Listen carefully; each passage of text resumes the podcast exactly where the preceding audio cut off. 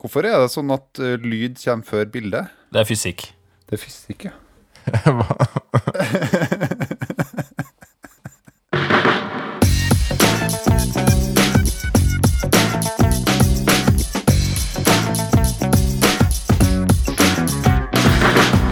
Du hører på Psykologlunsj, populærvitenskapelig lunsjprat med psykologene Tommy, Jonas og Jan Ole.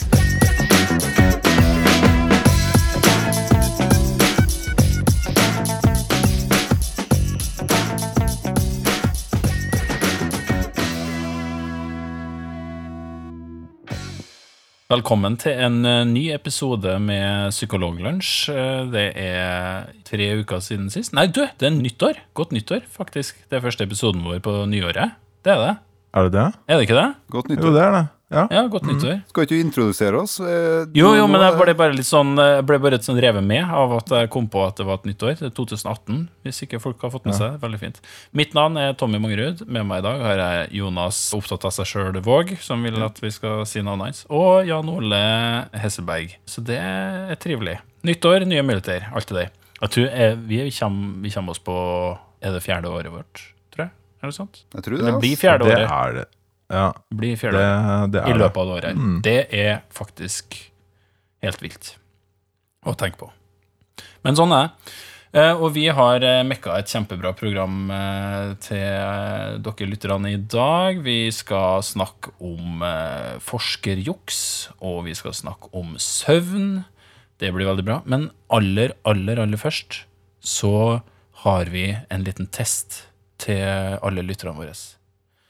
Vi har nevnt det noen gang tidligere at uh, opptil flere, opptil samtlige av redaksjonen er veldig opptatt av gadgets og duppeditter og ting og tang, og er veldig glad i å, å kjøpe uh, sånne ting. Og nå har det seg at én av oss har brukt uh, uforholdsmessig mye penger på en dyr mikrofon.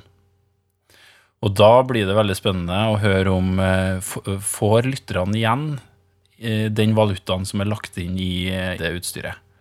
Så nå skal vi gjøre en liten test. Skal alle sammen i Psykologlunsj-redaksjonen her nå si den samme setningen, og så er det opp til dere lytterne. Gå inn på Facebook eller Twitter eller, eller hva det nå er.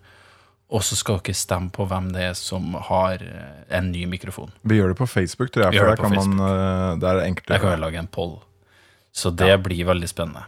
Eh, og hva skal vinneren få? Ja, hva skal vinneren få? Vinneren skal få Vi har jo fått for vane å dele ut uh, Kvikk Lunsj. Mm. Den ene gangen vi har delt ut noe som helst, så har vi delt ut uh, Kvikk Lunsj. Eh, det, det fikk vi kritikk for, rett og slett. For det er palmeolje i Kvikk Lunsj. Ja. Så nå skal vi dele ut eh, noe som ikke har palmeolje i seg, og som har masse, masse transfett istedenfor. Ja.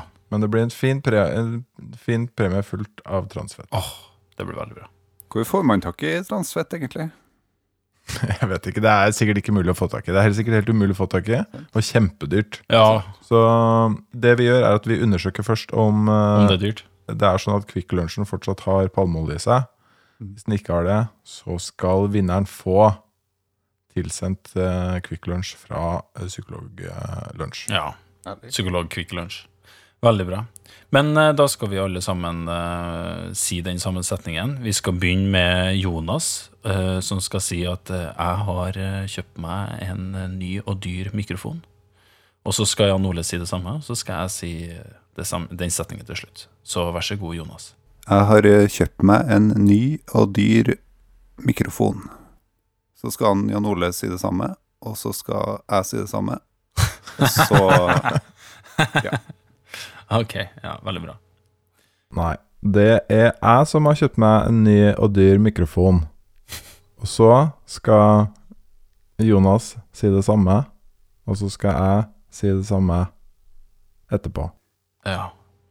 Men det går, ja, ok, greit. Det er jeg som har kjøpt meg en ny og dyr mikrofon. Og så er vi ferdig med å si det. Jeg, min, min spådom, da, det er at uh, dette kommer ikke folk til å høre eh, forskjell på, Nei, tror jeg. det kan faktisk være. det kan hende. Men vi får se. Hvis du, er, hvis du har lyst på en Quick Lunch, eller bare litt transfett, så bare gå på Facebook og søk opp Psykologlunsj og stem i vei. Det blir trivelig. Egentlig så er det jo kanskje to tester, det her. Ja. da, for det ene er jo testen av, øh, av om man hører forskjell på mikrofonen. Men det kan jo også være eh, hvem av oss er det som er dårligst til å lyve. Sant?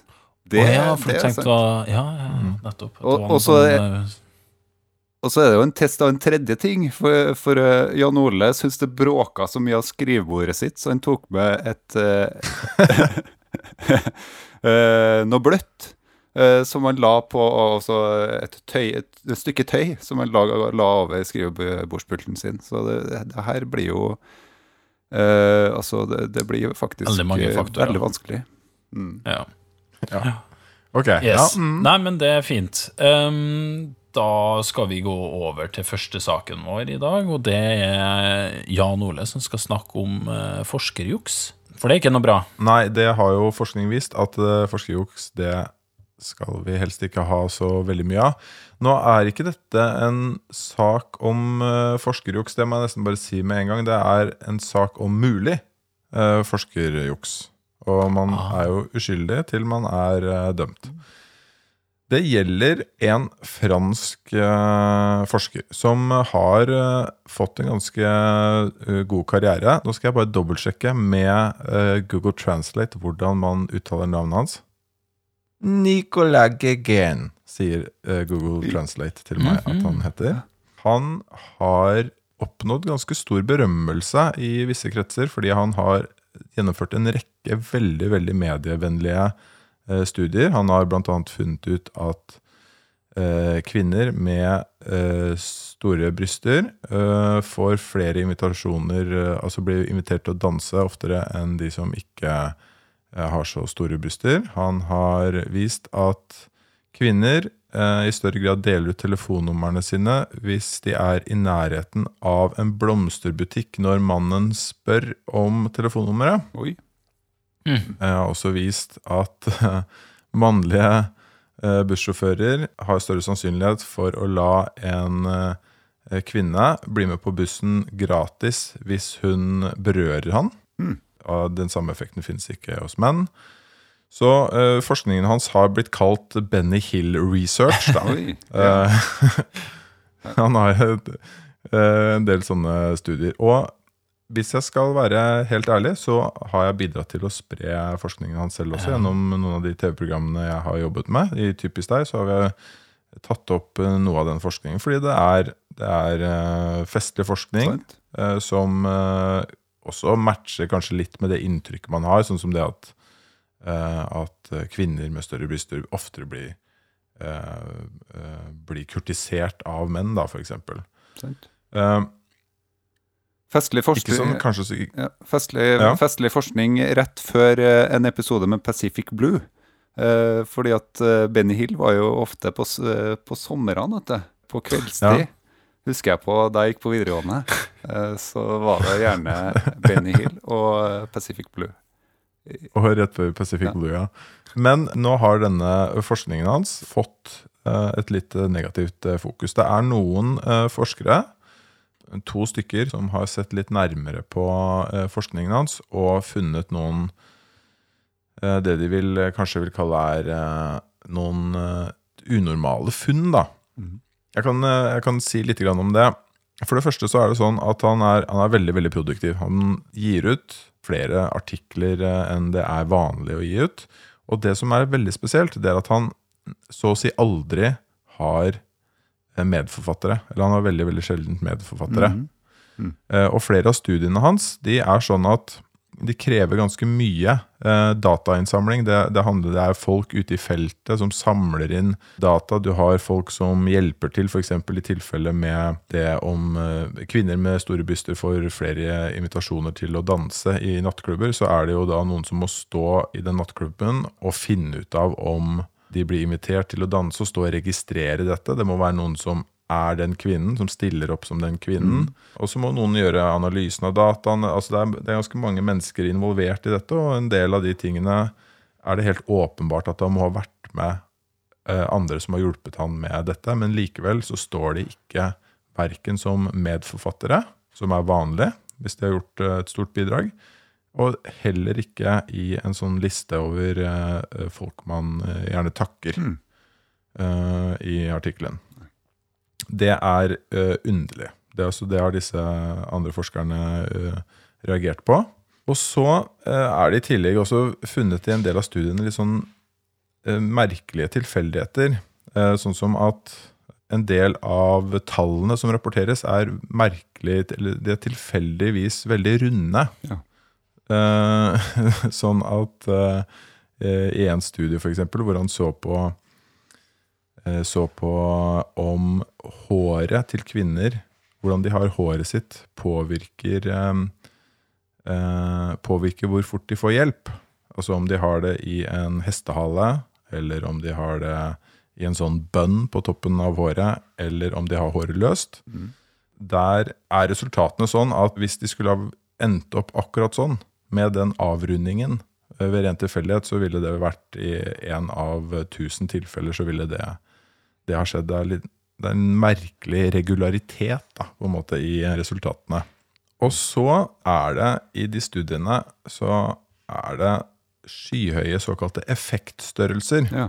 Og det skal, det skal, det skal jeg for, forklare litt. Grann. Effektstørrelser er et mål på hvor sterk er den effekten vi har funnet i disse studiene. Så ta f.eks. denne forskningen på hvordan kvinner har håret sitt. Der fant man at de kvinnene som hadde håret sitt løst, fikk hjelp mye oftere enn de som hadde det i en hestehale, f.eks. Og da kan man måle hvor stor den eh, forskjellen er eh, på, i gjennomsnitt. Og da var gjennomsnittet var sånn at eh, eh, de fikk eh, eh, en score på 2,8 av 3 mulige, de som hadde håret løst. De fikk masse hjelp. Mens de som ikke hadde håret løst, de fikk, eh, da var snittet 1,6 Ja. på denne skalaen fra, fra 0 til 3. Da. Og den forskjellen, hvis man tar hensyn til eh, utvalget, hvor mange som var med, det, det må man bruke når man skal beregne denne effektstørrelsen. For å finne ut av det, så får man en effektstørrelse på 2,4. Oi. Det er en veldig stor effektstørrelse. Og bare for å sammenligne, så er det sånn at forskjellen mellom menn og kvinner i høyde i Norge er på 14 cm i gjennomsnitt. Og effektstørrelsen på den forskjellen, den er på ca. 1,8. Så her har du en kjempekraftig, stor forskjell mellom eh, menn og kvinner. Det er nesten sånn at hvis du hadde plukket ut eh, ti kvinner tilfeldig og ti menn tilfeldig, så, så ville du bare med det blotte øyet ha sett den forskjellen mellom disse, disse gruppene. Mens her får du altså på en sånn liten studie med en sånn liten effekt, det er å ha eh, enten håret løst eller i hestehale, så får du en sånn voldsomt stor effektstørrelse som man nesten ikke den, Du kan nesten ikke tro på den, eh, den voldsomt store effektstørrelsen. Det er, føles litt muffens at et så lite grep fører til en så stor eh, forskjell. Da. Og så er det en ting til som eh, eh, kanskje er litt mer eh, Som man skjønner er litt, eh, litt mer rart. Det er i en studie hvor man skulle spørre etter telefonnumrene til franske damer, så hadde man en plan om å henvende seg til damer mellom 18 og 25 år. Det var avgrensningen av studien i utgangspunktet. Så skulle man spørre om telefonnummer under forskjellige eh, situasjoner, da, for å teste bl.a. om været hadde noe å si for hvor lett man fikk eh, telefonnummeret. Og de stoppet 500 franske damer og spurte om telefonnummeret. Alle var av en eller annen mirakuløs grunn mellom 18 og 25 år. Så de som stoppet dem for å spørre, spørre dem, bommet aldri Mm. på alderen. De traff aldri noen som var utenfor denne aldersgrensen som de hadde satt på forhånd. Mm. Det er ganske spesielt. Du kan jo prøve å stoppe, stoppe 500 damer eh, Ja, som du tror er mellom 18 og 25, og se om du treffer alle gangene. Mm. Det er spesielt. Ja. Og i tillegg så var det også sånn at selv om ikke alle var villige til å dele telefonnummeret, så var alle 500 var villige til å dele alderen sin. mm. Se for deg at du går Du kan også prøve det å stoppe 500 damer, spørre om telefonnummeret, så sier, eh, så sier kanskje en god del nei. Men alle som sier nei, svarer etterpå på spørsmålet 'Hvor gammel er du?' ja. Mm. Det kan jo selvfølgelig skje. Det er ikke noen eh, lov eh, Eller det er, ikke, det er ingenting som sier at det ikke kan skje, men det er litt spesielt. Og det har disse, disse som har undersøkt forskningen hans, har bedt om å få en del svar. Blant annet så har de bedt om å få, få vite hvem har vært hjelperne dine i disse studiene. Mm.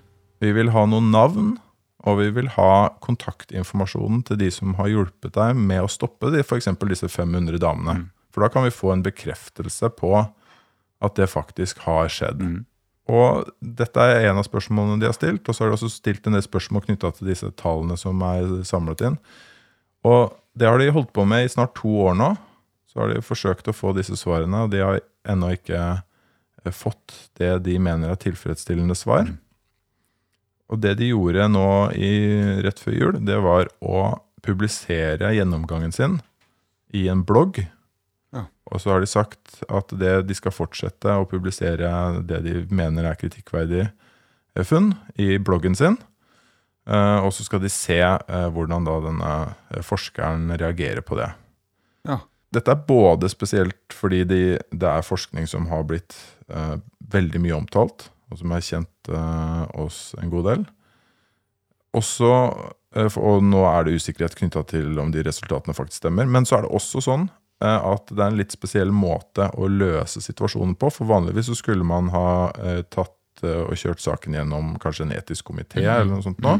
Det har disse forfatterne har valgt da å bruke sosiale medier egentlig i større grad enn de offisielle klageorganene. Ja.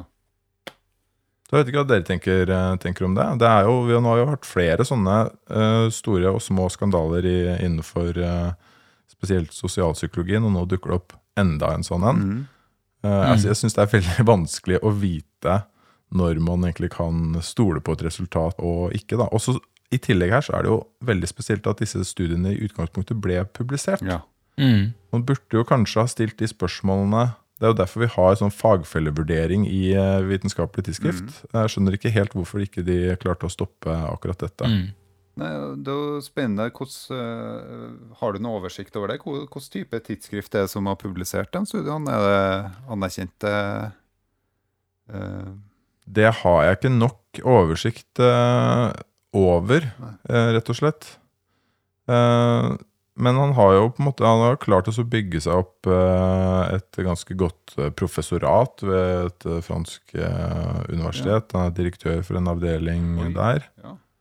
Eh, så han kan ikke bare ha drevet med sånn med publisering i, i tulletidsskrift. Nei? Mm. Det, det tror jeg ikke. Men han, har, han har jo vært et, ja, et kjent navn. Mm.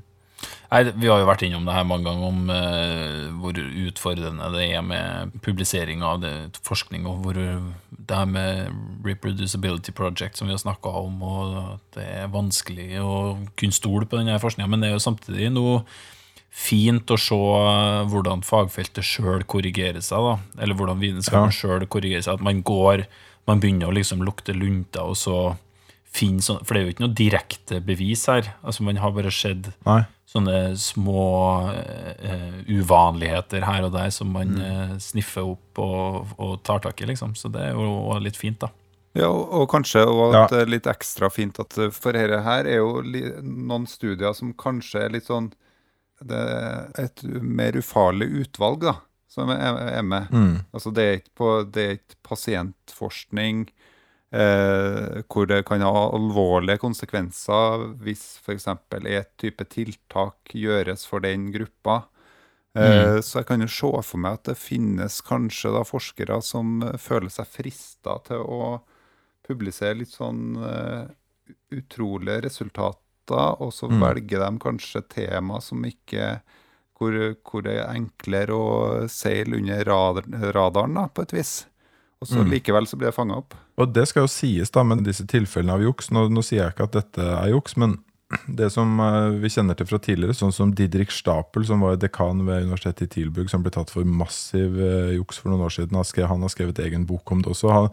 Det, både han og eh, jo, vår egen Jon Sudbø, som også jukset med forskningen, begge de to tilfellene var sånn at de la seg ganske tett opp til det som fantes av annen forskning allerede. Mm. Så det var egentlig sånn justering av allerede eksisterende funn, eller kanskje at man blåste opp egne tall litt. Så det var jo ikke resultater som var av en annen verden. De var plausible, de var troverdige Mm. eh, resultat, gitt det man allerede eh, visste. Og sånn er det jo litt med denne forskningen her også. Det, det høres jo ikke urimelig ut, en del av de konklusjonene som er trukket. Eh, han har annet en studie hvor han har funnet ut at, eh, at eh, menn som gikk og bar på en gitar, oftere fikk telefonnummeret til, til damer enn om de ikke bar på en gitar. Og det, det spiller jo veldig opp under den stereotypen av at, at musikere, det, unge mannlige musikere, de blir godt likt blant damene. Så det er lett å tro på. Men som sagt, det er en god del svakheter her. Og mitt største, mitt største problem med det er jo at når man leser sånn, den typen studier, Mm. så er jo det første man har lyst til å gjøre, er jo å fortelle det videre. Ja. Uh, og det er jo De studiene der hadde jo vært Hvis vi hadde snubla over det i nyhetsfeeden vår, så hadde vi garantert satt det på shortlisten til, eh, til å, å bli snakka om i, i Psykologlunsj. Og vi har snakka om mange studier, vi, som uh, har ganske få deltakere, og som uh, har morsomme, artige resultat, som er typisk veldig veldig sårbare for at, for at det er svakheter ved studien. Mm. Ikke nødvendigvis juks, men, men at vi om et par år kommer til å finne ut av at det ikke eh, lenger stemmer. Mm. Så eh, jeg syns i hvert fall det er ganske vanskelig å balansere de to tingene. Ja. Man kan ikke bare vente på store eh, studier før man snakker om forskning, men eh, kanskje burde man det i større grad, da. Mm. Og så er det jo litt problematisk også, for innenfor eh, helsefeltet så har du jo store oversiktsartikler som tar for seg flere studier, og hvor man gjerne gjør såkalte metaanalyser, hvor man drar inn alt av datamaterialet man har på f.eks. en behandlingsmetode for, eh, for depresjon. Og så kan, man, eh, så kan man se på hva sier det her store datamaterialet om effekten av den og den behandlinga. Mm. Så da er det en mye større rom for at man kan eh, at, eh, Altså, der er mye, eh, mye større rom for at man kan lage sånne store systematiske oversikter. da. Mens fordi Mm. at det forskes veldig mye på, det gis masse midler til det.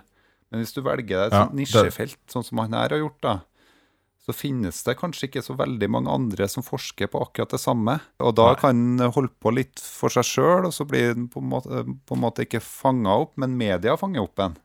For at de syns at han Mm. er, altså det er utrolig interessant forskning som gjerne bør bli formidla videre. Men det er ingen sånne store sånne forskningsinstitutt som setter seg ned og så vil se på eh, Gjøre en systematisk gjennomgang av all forskninga på området. Mm. Nei, også, og, og hvis det kommer nye forskere inn i det feltet, så er jo det, det siste de har lyst til å gjøre, er jo eh, antageligvis å gjøre akkurat de samme studiene på nytt for å sjekke om det stemmer. Da har de lyst til å gjøre sine egne varianter eh, av det samme. Så all ære til disse forskerne som har eh, brukt nå et par år på å følge denne, eh, denne saken. Ja. Fordi vi, vi trenger de kontrollsystemene, og det er helt åpenbart at sånn som det fungerer nå, med de, at tidsskriftene skal foreta den jobben, det, fungerer ikke optimalt i det hele tatt. Det er så mange eksempler nå på at eh, artikler med ganske lav kvalitet slipper gjennom det eh, som skal være et nåløye. Mm. Uh, og da er det større sjanse for at sånt skjer. Uh, håpet er at man får rydda i en del av det framover nå. At man lager nye systemer for, for det. Mm, absolutt. Dette er et tema vi kommer tilbake igjen eh, om og om igjen. Jeg tror aldri vi kommer til å være, eh, bli lei av å snakke om det. Eh, Og det er viktig, ikke minst, siden vi må kunne stole på den forskningen som blir gitt ut, eller i hvert fall vite at den er gjort i ærlig hensikt. Det første bud om den holder vann. Det det er det jo ikke alltid den gjør, fordi det kan være statistiske ting som gjør at du får resultat som ikke er korrekt. Eh, Så vi kommer nok sikkert flere ganger tilbake til det, men jeg lurer på, skal vi gå over til neste tema?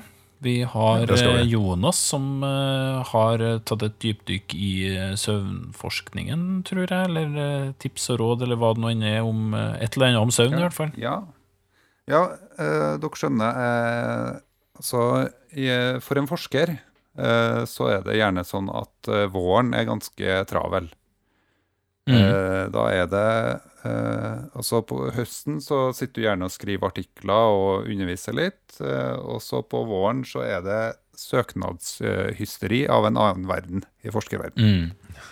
Da, da skal man prøve å få tak i midler til å gjøre nye studier. eh, og de midlene skal man få tak i ved å selge inn seg sjøl. Mhm. Eh, som en god og dyktig forsker med masse eh, erfaring og med masse siteringer. Altså at andre folk har sitert arbeidet ditt. Derfor blir du sittende ganske mye i sene nattestimer da, med, å, med å skrive på sånne typer søknader, i tillegg til at du underviser. Så da tenkte jeg at eh, i den siste tida så har jeg hatt slitt litt med, med å få søv, da. Til, Ja til riktig Altså, jeg, jeg sovner ikke raskt. Så da gikk jeg inn i, i litteraturen. Eh, -hmm. Nei, jeg gjorde ikke det. altså. Det kunne ha vært et fint narrativ, men uh, jeg kunne ha gjort det.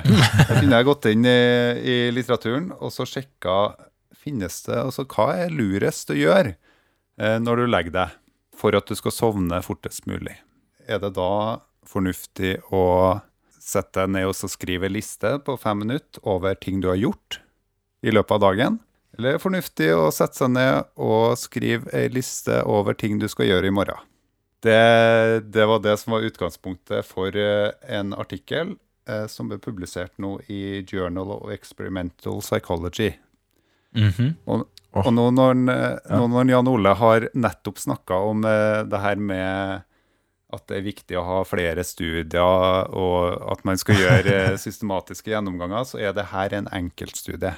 Så her må vi ta det med en klype salt. Så jeg vil ikke bli tatt på RR om to år. Eh, nå skal vi tenke at ok, resultatene er spennende, men vi, vi venter gjerne på den eh, replikasjonen. Mhm. Vi trenger ikke innføre det som eh, tiltak for eh, absolutt alle Nei, sant.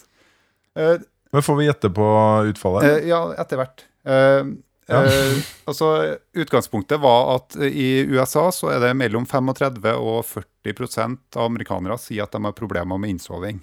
Ja. Så det var bakteppet da for at de ville undersøke ulike metoder for å, for å liksom skape raskere innsovning. Da. De eh, brukte 57 universitetsstudenter, selvfølgelig, for det, det, er jo, det er jo et psykologisk studie. Så da eh, går du ut av døra. Har du lyst til å være med på et eksperiment? Ja, vær så god. Kom inn her. De brukte en søvnlab, det er bra. Altså en, eh, et eh, rom som var eh, helt likt for alle de 57 deltakerne. Og så brukte de eh, somnografi, eller polysomnografi. Ja, de registrerte egentlig når var det de her gruppa sovnet, da. Hvor lang tid brukte de på Mm. innsovning. Var det studenter som hadde utfordringer med det i utgangspunktet? Nei, eller? de hadde ikke Nei. søvnutfordringer i utgangspunktet. Og det, det viktige er òg at de loggførte de loggførte alt det der, eh, de svarte på spørreskjema, og de fikk kartlagt at de ikke hadde noen utfordringer. Og så ble de randomisert til to ulike betingelser, da. Så tilfeldig fordelt til to ulike betingelser. Den ene betingelsen, altså den ene gruppa eh, fikk i oppgave å eh, egentlig skrive en historie om hva du har gjort i løpet av dagen. Og den andre gruppa fikk i oppgave å skrive en to do-list for i morgen. Ja. Og i introduksjonen sin så uh, skrev de at uh, vi vet ikke effekten av å skrive en to do-list. Den ene uh, argumentet kan være at når du skriver en to do-list, så gjør det deg bare enda mer sensitiv for det du ikke har fått gjort ennå, som du må gjøre Mhm. snart. Så det skaper større bekymring, og du får lengre tid på, du må bruke lengre tid på å sovne inn. Den andre argumentet for å bruke en to do-list er at du legger byrden av deg, på en måte før du f Mm. faller til søvn. Da. Mens den andre, eh, det vi skal kalle kontrollbetingelsen, på et vis, altså det med å skrive en historie om det du har gjort, der tenkte de at, eh, at det var Altså, det var egentlig en sånn eh, positiv måte å legge fra seg at man faktisk skal få gjort, gjort unna noe i løpet av dagen. Mm.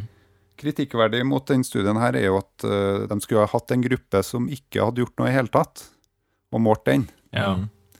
Eh, så de har ikke noe baseline, på et vis. Men uh, Mm. hva tror dere av de to ulike gruppene? Hvilken gruppe sovna raskest? Jeg tenker at det, altså, det er som med god forskning, eller sånn psykologisk forskning, at jeg, greier å tenke ut gode grunner til at begge delene skulle ha vært eh, effektivt. Mm. Men jeg tenker litt på noe annen forskning som vi diskuterte en gang i tida, som handla noe om eh, eh, det å skrive ned bekymringene dine på en lapp og så kaste dem. Jeg tror det var du som hadde en sak om det, Jan Ole. Ikke gjør noe med det. Kan være, ja. Mm. Var det ikke det? Bare skri... Jeg husker ikke, men jeg husker ja, saken. hu- skriv ned bekymringene dine, og så kast de, og så hadde de en effekt på For jeg, tenker at ofte når man ikke får sove, så handler det veldig mange ganger om bekymringer. Så jeg tror jeg ville ha holdt en knapp på det å skrive en eh, to do-liste. Mm. Mm. En, uh... Altså Ja, nei, jeg, jeg tenkte før du sa det, på, på akkurat eh, det du sa, at uh, ulempen med å skrive det ned kan være at du øker fokuset på det. Du minner deg selv på alt det du må gjøre, Mm. eh, som kan være ubehagelig. Det vet vi også, at eh, en del sånne Du får noen sånne paradoksaleffekter når man ber folk om å ikke tenke på ting. Så Mm. så blir de veldig stressa uh, fordi de må, ender opp med å tenke på den tingen. Men sånn av ren egen erfaring så føler jeg at uh, det likevel antakeligvis er uh, sånn at uh, det lønner seg å skrive ned mm. sånne lister. Jeg føler i hvert fall veldig at jeg kvitter meg på mange måter med den bekymringen ved å skrive den ned. Uh, Mm. Og bare få, få- kontroll da, over situasjonen, føler jeg noen ganger. Anekdotisk følegjetning. Ja, men det- det fantastisk. det Ja, ja, det, føling er bra. Altså, det var jo Ja, ja. det psykologien Altså Starten av psykologien med Wilhelm Wundt var jo basert på intro, introspeksjon og egen Ja, ja. erfaring og skrivende. mm. Eh, og eh, dere har jo riktig. Så der, ja. Ja. Helt Altså, den gruppa som fikk i oppgave å bruke fem minutter på å skrive en to do-list, sovna i løpet av 15 minutter. Mhm. Mens den gruppa som fikk i oppgave å skrive en historie om hva man har gjort i løpet av dagen, sovna i løpet av 25 minutter. Oi, det er ganske stor forskjell, da. Det er relativt Ja, det stor. eh, forskjell, er det. Så, så den eh, jobs already done-conditionen, altså dem som skrev hva de hadde gjort, eh, de brukte da over eh, ti minutter ekstra. Eh, ikke så langt unna det dobbelte i, i tid, da, på, på sommeren. Og hvis vi bare, hvis vi bare nå eh, ser bort fra uh, mulige svakheter med studien, så, uh, og antar at dette er eh, resultat som kommer til å leve langt inn i framtida, så uh, kan man jo se for seg at du når du skriver hva du har gjort i løpet av dagen, får den negative siden ved, eh, ved det å skrive to do-liste. Ja. eh, når man gjør det. For når du skriver om hva du har fått gjort i løpet av dagen, så minnes du kanskje også på hva du ikke fikk gjort i løpet av den dagen. Sant? Eh, og hva du bør stresse med til i morgen. Så, Så, kanskje du får liksom eh, ulempen med å skrive to do-listen uten å få benefiten Mm. av den. sant? Du får fem minutter på å skrive hva du har gjort i løpet av dagen, og så er du ferdig i løpet av ti sekunder, og så ligger du bare med øynene sperra opp i 25 minutter. Ja, eller, eller at historien er sånn Ja, i dag sto jeg opp, og så var det masse krangling med ungene for å få det ut. Og så kom jeg på jobb, og så, og så hadde jeg egentlig tenkt å lage ferdig den presentasjonen, men det rakk jeg ikke. Eh, og så var det litt dårlig stemning, og, og så Ja, ikke sant. Så det, det forutsetter på en måte at du har et bra liv. Sjekket. og, så, og så møtte jeg på det. møtte jeg på den søvnlaben, og så fikk jeg ble jeg påklistra masse sånn uh, somnografidrit. Ja, kanskje.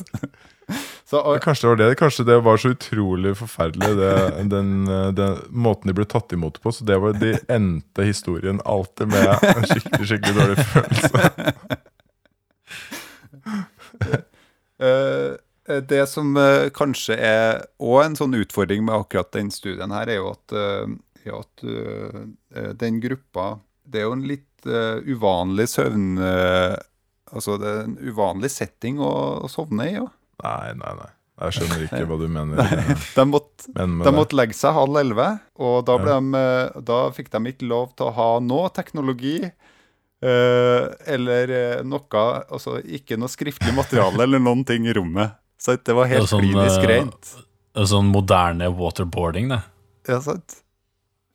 Så Og det er, noen, som, og noen som snakker med deg over, over et høyttaleranlegg. Og du har noen elektroder limt på skallen din. Ja, det, ja, det Optimal situasjon. Sant? Og dem som kunne skrive to do-list, de kunne jo skrive ned eh, morgendagens Facebook-oppdateringer og Twitter. De, Det var liksom Det var godt forberedt. Det var langt way ahead, liksom. Det er bra.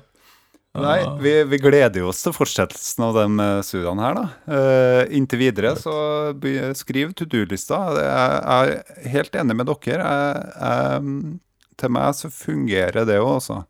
Og det, det å skrive en to do-list er egentlig en sånn eh, Det er en pla planmessig form for prokrastinering. Ja. Altså, det, så i stedet for å utsette og utsette og utsette og ha det kvernende opp i hodet, så kan du egentlig bare kjøpe deg en dag fri med å skrive en to do-liste til i morgen. Uh, og Så du kan bare skrive ny dato på på toppen hver dag. Sant? Uh, eller som jeg, når jeg drar fra jobb, så skriver jeg en to do-list, og så klistrer jeg på PC-skjermen. Det er nesten det beste Det er det beste trikset, altså. Ja. Det er veldig bra. Så nå, nå er det så mange lapper her at jeg ser ikke eh, Det er bare det, lenger, nei, det er bare det lille vinduet nedi, sånn at jeg kan åpne Ja. startmenyen. Og du ser bare Men det altså- lille ned i hjørnet, alle uleste e-postene du ikke har fått eh, lest. Men man, man, kan, men man kan spøke med de tingene der, og man kan lett se eh, de tilfellene der det feiler. Men samtidig så er det jo sånn at hvis man skal bruke det utslitte uttrykket at vi er ikke helt skapt for å håndtere så mange biter med informasjon og gjøremål og avtaler som eh, vi har i det moderne samfunnet i dag. Og samtidig så, eh, så er det oppmerksomheten vår veldig begrensa. Eh, og vi vet at ufullførte oppgaver det skaper eh, stress eh, for oss. Så i det øyeblikket vi, vi går med en sånn føl ikke har oversikten, og går med en sånn følelse av er det, ikke, er det ikke et eller annet jeg burde ha gjort? Mm. Uh, uh, et eller annet jeg må huske? Hvis du skal gå og tenke sånn om alle oppgavene dine du har, Mm. og, og, og ikke kan lene deg på den Post-It-lappen som henger på, på skjermen din på kontoret, så eh, da hadde livet mitt vært sett ganske annerledes ut, altså. Det er jeg helt sikker på. Men- Men sånne eh, to- to do-lister er jo egentlig så fra, fra steinalderen så har vi jo sett sånne type helleristninger. eh, som egentlig Ja, er det er bare det sånne to do-lister for at folk skal kunne få støv. sånn som bilde av en som jakter med spyd på, etter en gnu. Eller eh, kanskje ikke en gnu, da, men en elg, eller eh, lignende. For det var jo ofte i de hulene der hvor de også sov. Det var jo rett ved, ved senga, Ja, antakeligvis. Og det, problemet var jo at det skapte veldig dårlig s- sånn søvnhygiene for alle andre. Sant? For når du hakker i en steinvegg så, mens andre prøver å sove Så blir det veldig Så det var derfor helleristninger gikk av moten. Ja, Det er det faktisk. Hmm. Jeg lurer på om, eh, om dem som ble rekruttert til de studiene, eh, også ble, var universitetsstudenter. Altså at, de, eh, Ja, på den altså at det var en sånn søvnlab inne i grottene, og at de ble rekruttert. Ja. Det jeg ikke skjønner, og aldri har skjønt med de helleristningene, er jo hvorfor de ikke bare bruker den malinga som de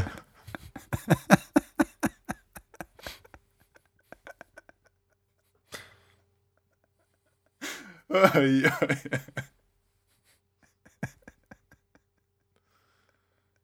Den røde malinga, ja. Ja, Hvorfor hvis jeg har de den i utgangspunktet, liksom.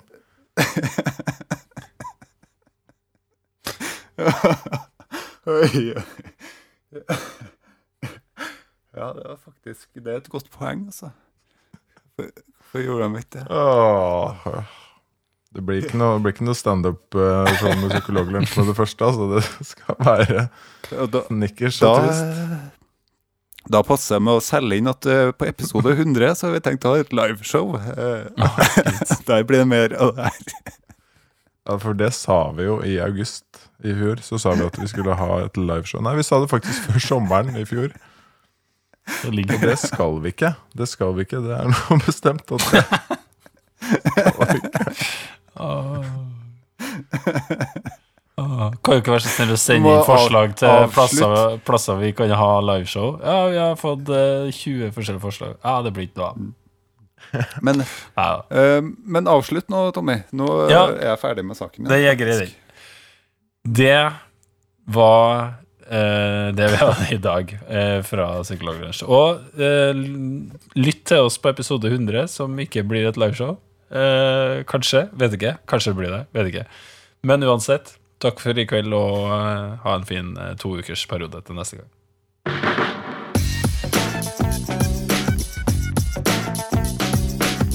Du har nå lytta til Psykologlunsj. Har du noen spørsmål, kan du søke opp Psykologlunsj på Twitter, eller du kan sende en e-post til psykologlunsj, alfakrøll, gmail.com. Mer informasjon om temaet du har hørt i dag, finner du på psykologibloggen.no og tankesmed.no.